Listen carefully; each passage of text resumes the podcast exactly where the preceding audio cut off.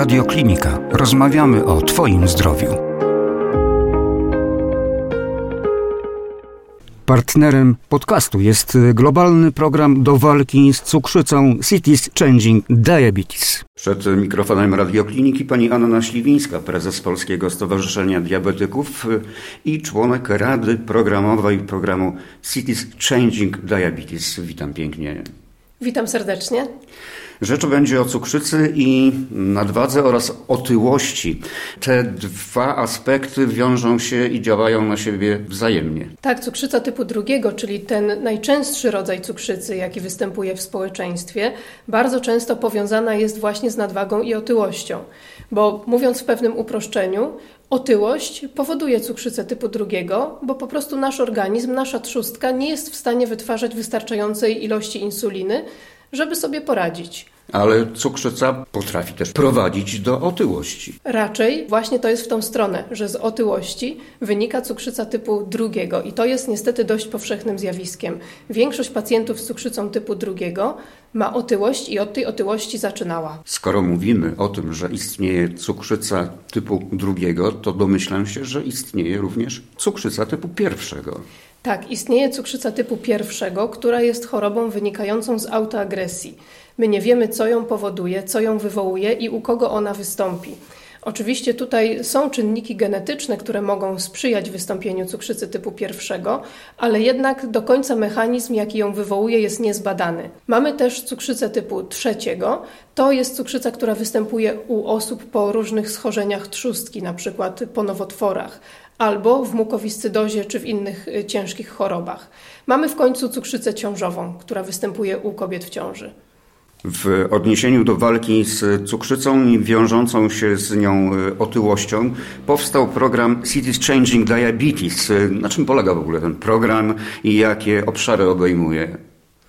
Y, program ten jest inicjatywą ogólnoświatową i polega na tym, że w, przede wszystkim w dużych miastach staramy się tą cukrzycę typu drugiego w miarę możliwości oddalić, ograniczyć a to głównie dlatego, że właśnie większość osób z cukrzycą typu drugiego żyje w dużych miastach. I dotyczy to zarówno Polski, jak i innych krajów na całym świecie? Dokładnie tak. Do programu przystąpiło już 41 lokalizacji, a Polska jest pierwszym krajem Europy Środkowej, który również do tego programu przystąpił. A jak do tego doszło, że akurat Polska, a nie inny kraj z Europy Środkowej? Myślę, że dlatego, że zauważamy, że cukrzyca typu drugiego jest bardzo dużym problemem. Ta świadomość jest większa niż była jeszcze kilka, a tym bardziej kilkanaście lat temu, w związku z czym eksperci i założona Rada Programowa stwierdziła, że właśnie z tym problemem cukrzycy typu drugiego trzeba coś zrobić. W ślad za tym zapytam, dlaczego akurat duże miasta, a nie małe miejscowości? Dlaczego akurat Kraków i dlaczego akurat Warszawa? Bo to są te dwa miasta. Dlaczego nie mniejsze miejscowości? To są dwie największe aglomeracje, w których statystycznie żyje najwięcej osób z cukrzycą w ogóle. Niestety wielkomiejski styl życia nie sprzyja aktywności fizycznej, nie sprzyja zdrowemu odżywianiu, w związku z tym mamy coraz więcej nadwagi i otyłości. Chorują coraz młodsze osoby i samorządy są coraz bardziej świadome tego, że tą epidemię cukrzycy naprawdę trzeba powstrzymać, bo jeśli nie, po prostu będziemy mieli chore społeczeństwo. I tu padła bardzo ważna kwestia, bo Polska należy do czołówki krajów, w których dzieci i młodzież tyją najbardziej. Tak, niestety badania pokazują, że polskie dzieci tyją najszybciej w Europie. Chociaż wiem, że wielu z nas to zdziwi, ale rzeczywiście twarde dane tak pokazują. Nadwagę ma 30% dzieci i 20% młodzieży. Zatrważające dane.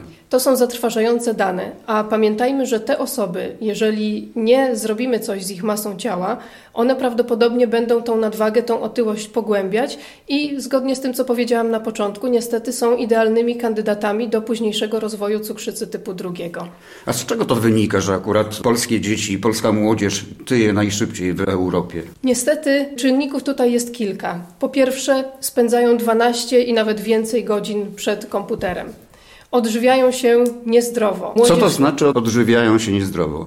Młodzież nie spożywa wymaganej ilości warzyw i owoców, czyli tych pięciu porcji dziennie. Młodzież dosładza też i dosala różne potrawy. Lubi e, fast foody, ponieważ niestety to są takie dania, potrawy, e, produkty, które mają bardzo dużo różnych wzmacniaczy smaku, więc to po prostu młodzieży, dzieciom smakuje.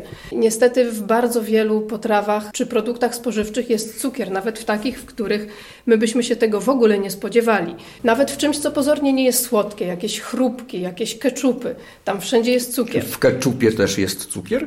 Bardzo dużo. Wystarczy czytać etykiety i to polecam wszystkim przy tej okazji.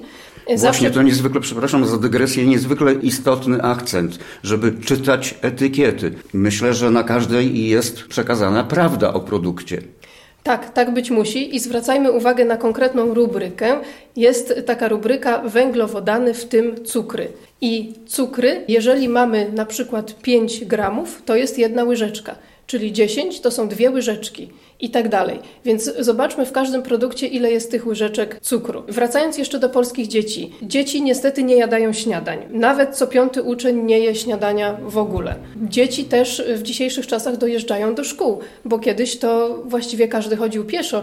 Żeby kogoś rodzice podwieźli do szkoły, to w moim pokoleniu to był totalny obciach. To gdzieś tam musieli, nawet jeśli się zdarzyło, to musieli wysadzać gdzieś daleko od szkoły. Teraz z mniejszych dzieci ponad 60%, ze starszych dzieci ponad 40% jest podwożonych do szkół, czyli nie ma tej wymaganej aktywności fizycznej. No ale tutaj też pewnie wchodzi w grę kwestia bezpieczeństwa dzieci. Pewnie tak, ale pamiętajmy, że dzieci z natury lubią się ruszać i powinny się ruszać. Taka zawsze była natura dziecięca. Więc jeżeli dzieci mają tę drogę w miarę bezpieczną, to naprawdę powinny chodzić pieszo. A z czego wynika, bo wspomnieliśmy, jeszcze przy tym wątku się zatrzymajmy, że co piąty uczeń nie spożywa śniadań. Z czego to może wynikać? Myślę, że to wynika z takich zaniedbań w domu, bo rodzice powinni jednak dopilnować tego, żeby dzieci jadły śniadania. Natomiast często rodzice sami nie jadają śniadań, więc wiemy, że w przypadku dzieci przykład daje bardzo dużo. Więc jeżeli rodzice sami nie jedzą śniadań, jeżeli sami nie dbają o zdrowe odżywianie, to jest raczej bardzo mała szansa, że dziecko tak samo z siebie o to zadba. Wspomniała pani prezes, żeby czytać etykiety, żeby sprawdzać, czy jest cukier w danym produkcie, a czy w produktach eko też możemy znaleźć cukier? Zdecydowanie tak, dlatego że y, produkty eko i te różne light, to właściwie może bardziej mamy na myśli takie te light, one są teoretycznie pozbawione tłuszczu, ale zazwyczaj są sztucznie dosładzane, ponieważ tłuszcz normalnie jest nośnikiem smaku. Więc jeżeli nie ma gdzieś tłuszczu, to zazwyczaj trzeba dodać dużo więcej czy cukrów, czy różnych wzmacniaczy smaku, żeby te produkty po prostu smakowały. Więc y, radziłabym też uważać na takie produkty. Jakie jeszcze przyczyny mogą powodować otyłość, a w konsekwencji cukrzycę? Bardzo ważnym elementem jest tutaj sen. Być może taki element niedoceniany, ale y, niestety, kiedy mamy nieodpowiednią, czyli za małą ilość snu, to też mamy tendencję do przybierania na wadze. Czyli niestety to się tyczy zarówno dorosłych, jak i dzieci. A y, mamy takie rekomendacje, które mówią, że dzieci w wieku od 6 do 12 lat powinny spać nawet do 12 godzin na dobę, a co najmniej 9. Z kolei młodzież w wieku 13-18 lat powinna spać od 8 do 10 godzin na dobę. A niestety komputer, telefon kuszą i kto by szedł spać, kiedy można się patrzeć w ekran. Więc to jest niestety też takim czynnikiem, który gdzieś tam później prowadzi do rozwoju otyłości. I tutaj rodzi się takie sprzężenie zwrotne, bo siedząc przed komputerem czy przed smartfonem, stymulują się tym niebieskim światłem, które powoduje bezsenność. Tak też się mówi o szkodliwości tego światła i bardzo dużo teraz się mówi o higienie snu, czyli o tym, żeby już jakiś czas, na przykład godzinę przed snem, odłożyć wszystkie ekrany. Czyli nie patrzeć w komputer, nie patrzeć w telefon, najlepiej też nie patrzeć w telewizor. Po prostu albo wykonać właśnie jakąś taką lekką aktywność fizyczną, albo wziąć ciepłą kąpiel, albo sobie coś poczytać. Świetne. Spacer? Spacer wieczorem, czemu nie? Oczywiście. I myślę, że warto wspomnieć o raporcie Szkoła Gmina System Partnerstwo przeciwko epidemii otyłości i cukrzycy. To jest raport, który obejmuje właśnie działania zapobiegające otyłości i cukrzycy u dzieci. Tak, ten raport opisuje działania, które były kierowane w ramach programu przede wszystkim do nauczycieli, ponieważ dzieci spędzają bardzo dużo godzin w szkole. E, mówi się, że to jest nawet i 41 godzin tygodniowo, czyli właściwie więcej niż teoretycznie dorośli na etacie, więc nauczyciele po pierwsze wychowują dzieci, młodzież, a po drugie sami stanowią przykład zachowania. W tym raporcie opisujemy badanie na próbie 4200 nauczycieli z Warszawy i Czyli Krakowa. grupa reprezentatywna. Bardzo reprezentatywna grupa. Badania opisują poziom wiedzy tych nauczycieli na temat cukrzycy, ich y, spostrzeżenia na temat nadwagi i otyłości wśród uczniów i na temat różnych działań profilaktycznych podejmowanych przez szkołę właśnie, aby zapobiegać nadwadze i otyłości. Pytamy też o No styl życia samych nauczycieli, bo tak jak mówiłam, oni stanowią przykład dla swoich uczniów, ale również pytamy o doświadczenia z uczniami z cukrzycą typu pierwszego, czyli tym typem cukrzycy, który jest chorobą wynikającą z autoagresji organizmu. szkoły niekiedy wzdragają się przed przyjmowaniem dzieci do placówek oświatowych, bo Jeśli chodzi o dzieci z cukrzycą typu pierwszego, nauczyciele czasami boją się, ponieważ są to dzieci, które rzeczywiście wymagają trochę więcej uwagi, trochę więcej troski. Trzeba wiedzieć, jakie te dzieci mają poziom cukru. Trzeba czasami pomóc im przy podawaniu insuliny, zwłaszcza tym młodszym dzieciom. Czasami są też takie sytuacje awaryjne, kiedy trzeba zareagować na jakąś poważniejszą hipoglikemię, więc nie można się dziwić, że nauczyciele, którzy nie mają odpowiedniej edukacji w tym zakresie, po prostu boją się mieć do czynienia z takimi dziećmi. Ale y, są odpowiednie szkolenia i nauczyciele, którzy chcą się przeszkolić i chcą poznać, jak wygląda to życie ucznia z cukrzycą typu pierwszego, ci zazwyczaj sobie bardzo dobrze radzą i trzeba przyznać, że to środowisko tak naprawdę jest dosyć otwarte, jest dużo lepiej niż było kiedyś. I tu padła kolejna ważna kwestia, że rola nauczycieli jest nie do przecenienia, jeśli chodzi o edukację związaną z cukrzycą i z otyłością, ale żeby oni edukowali, sami muszą być wyedukowani. Z tego, co pani prezes mówi, są otwarci jednak nauczyciele na tego typu działania. Są, y, dlatego że jeżeli mają do czynienia z takimi uczniami, którzy są zwłaszcza w ich klasie, jeżeli są wychowawcą takich dzieci, no to po prostu muszą się czegoś dowiedzieć po to, żeby te dzieci były bezpieczne i po to, żeby oni sami po prostu nie bali się różnych sytuacji, w szczególności na przykład hipoglikemii, kiedy może dojść do utraty przytomności. Więc nauczyciele szkolą się chętniej niż to było dawniej i to nas cieszy, chociaż oczywiście jeszcze sporo pozostaje do zrobienia. Czy program Cities Changing Diabetes nastawiony jest głównie na dzieci i młodzież, czy też na całe społeczeństwo? Na tym etapie programu w Polsce koncentrowaliśmy się głównie na y, poziomie dzieci i młodzieży i szkół. Chcemy, aby szkoły w miarę możliwości wdrażały programy właśnie mające na celu propagowanie zdrowego trybu życia, czyli odpowiedniego odżywiania, aktywności fizycznej.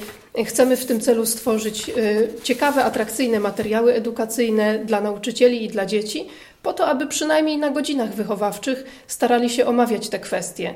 Oczywiście bardzo byśmy chcieli, aby w szkole została wprowadzona odrębna lekcja, taka wiedza o zdrowiu, ale y, Ministerstwo Edukacji i Nauki mówi nam, że nie będzie to raczej możliwe, ponieważ, tak jak już wiemy, uczniowie jednak są bardzo przeładowani, więc y, dodawanie im dodatkowej lekcji może być kłopotliwe. Ale przynajmniej na godzinach wychowawczych propagowanie zdrowego stylu życia byłoby niezbędne. Co to znaczy zdrowy styl życia? Zdrowy styl życia, czyli przede wszystkim prawidłowe odżywianie, aktywność fizyczna. A co to znaczy prawidłowe odżywianie? Prawidłowe odżywianie, czyli w miarę możliwości unikanie rzeczy przetworzonych, wysoce przetworzonych, rzeczy uznanych za niezdrowe. A co to znaczy rzeczy wysoce przetworzone? Wysoce przetworzone, sztuczne, jak to się mówi, zawierające masę konserwantów, Czyli barwników. te E i tak dalej. Tak, wszelkich, wszelkich sztuczności, wzmacniaczy, które po prostu powodują, że te produkty są może smaczne, ale nie są zdrowe, ponieważ zawierają tak zwane puste kalorie, czyli sprawiają, że człowiek może i się nimi nasyci, ale nie otrzymuje z nich żadnych składników odżywczych. Wręcz mogą być chorobotwórcze. Oczywiście, że tak. Przede wszystkim, tak jak już mówimy od początku, mogą powodować nadwagę i otyłość, a to właśnie w połączeniu z brakiem aktywności fizycznej to jest taka mieszanka wybuchowa. Po prostu z y, otyłych dzieci wyrastają otyli dorośli. A teraz jeszcze abo owo, ten zdrowy tryb życia, prawda? Bo tutaj troszeczkę omówiliśmy o odżywianiu, ale myślę, że aktywność fizyczna też ma duże znaczenie. Aktywność fizyczna ma bardzo duże znaczenie i badania pokazują, że wręcz niecała jedna piąta, bo 17% dzieci i młodzieży tylko i wyłącznie 17% spełnia przynajmniej te minimalne wymagania według WHO tej y, wymaganej dawki dziennej aktywności fizycznej. A dużo ruchu dzieci obecnie tracą takiego przy okazji, bo tak jak już wspomniałam, kiedyś na przykład wszyscy chodzili pieszo do szkoły. Dużo więcej się chodziło tak po prostu, czy na zakupy, czy nawet na jakieś zajęcia dodatkowe, czy się chodziło po schodach. No nie było tak, że w każdym domu był samochód albo dwa samochody, więc raczej radziliśmy sobie, że tak powiem, siłą własnych mięśni, tak po prostu na co dzień. Dużo było takiego ruchu właśnie przy okazji. A teraz tego po prostu nie ma. Paradoksalnie w dzisiejszych czasach tak naprawdę tych możliwości zażywania aktywności fizycznej nie jest mało. Miasta starają się organizować czy różne bezpłatne zajęcia dodatkowe, czy y, budują siłownie na świeżym powietrzu. Y, budowane są orliki, bardzo atrakcyjne place zabaw. Właściwie tych aktywności jest, gdyby chciało się z nich skorzystać. Natomiast problemem jest to, że kiedy tak spojrzymy, to czy te siłownie na świeżym powietrzu, czy te place zabaw, to często stoi puste, bo wiele dzieci woli spędzać czas przed komputerem. Tak jak już mówiłam, to jest nawet 12 godzin i więcej dziennie, a to na pewno nie sprzyja zdrowiu. Ja myślę, że swoje piętno odcisnęła tutaj też pandemia. Tak, w pandemii mówi się, że przeciętna osoba przytyła nawet 6 kg.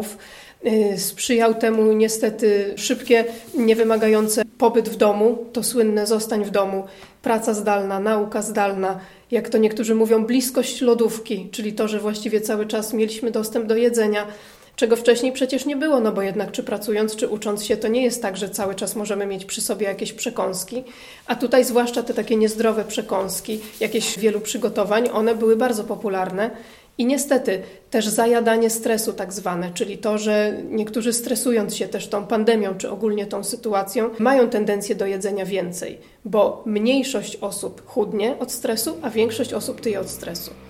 Jak Polska jawi się w statystykach, jeśli chodzi o zapadalność w ogóle na cukrzycę na tle innych państw? W Polsce na cukrzycę zapada więcej osób niż wynikałoby to z takich zwyczajnych statystyk, chociażby ze starzenia się społeczeństwa. Mówimy o cukrzycy typu drugiego, na którą choruje, czy chorują, czy chorowały kiedyś głównie osoby starsze. I tutaj w miarę starzenia się społeczeństwa, oczywiście tych osób siłą rzeczy jest coraz więcej.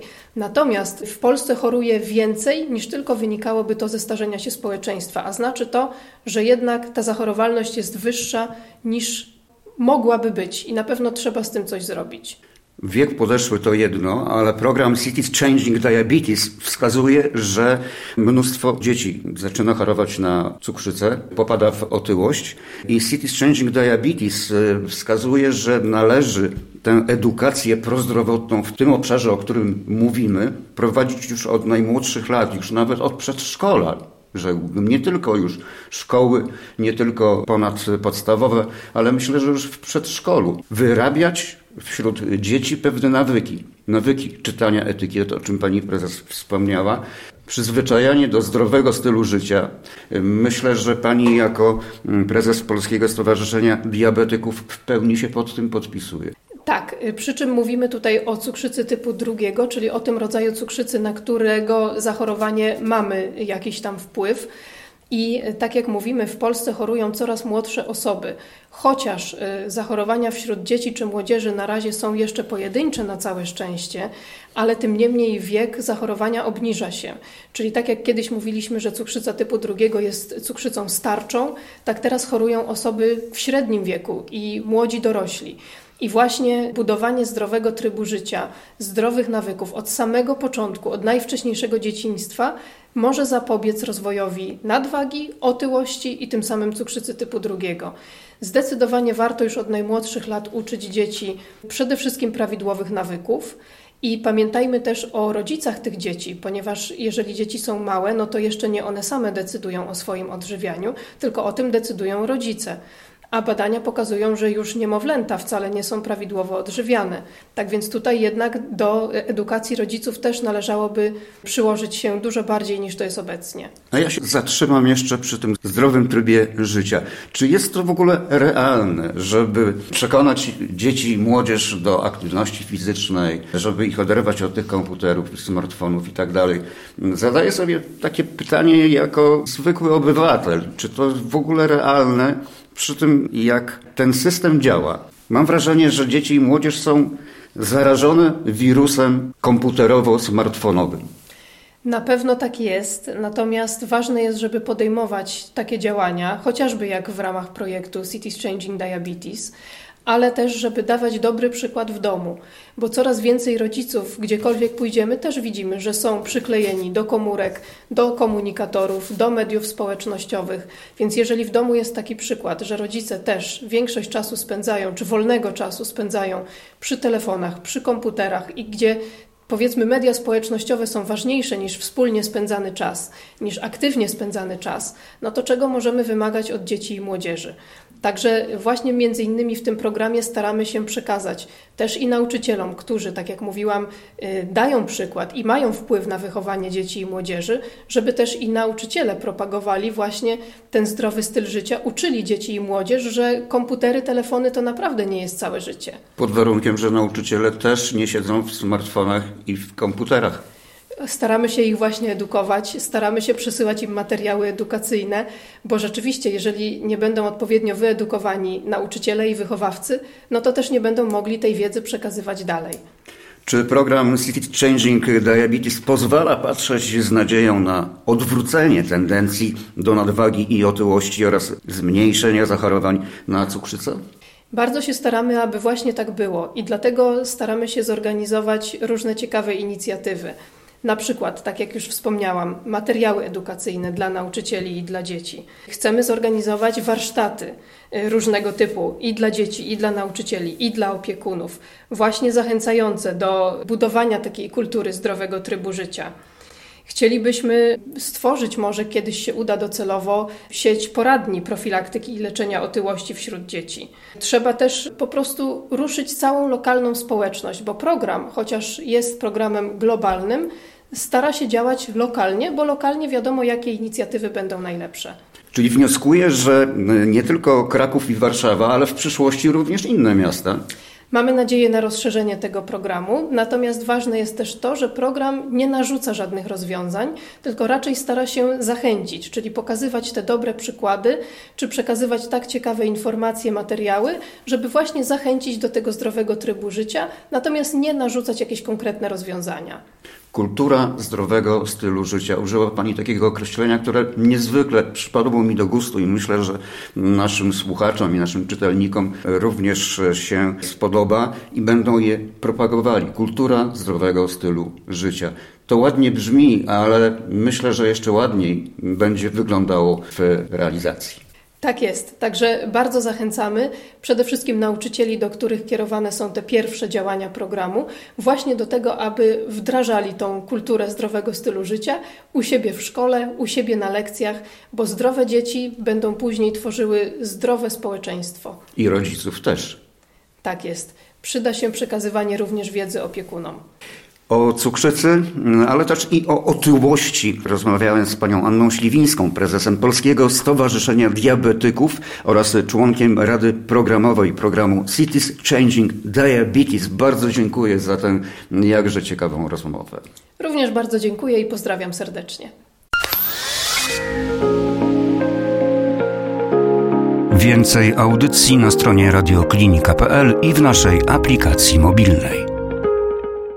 Partnerem podcastu jest globalny program do walki z cukrzycą Cities Changing Diabetes.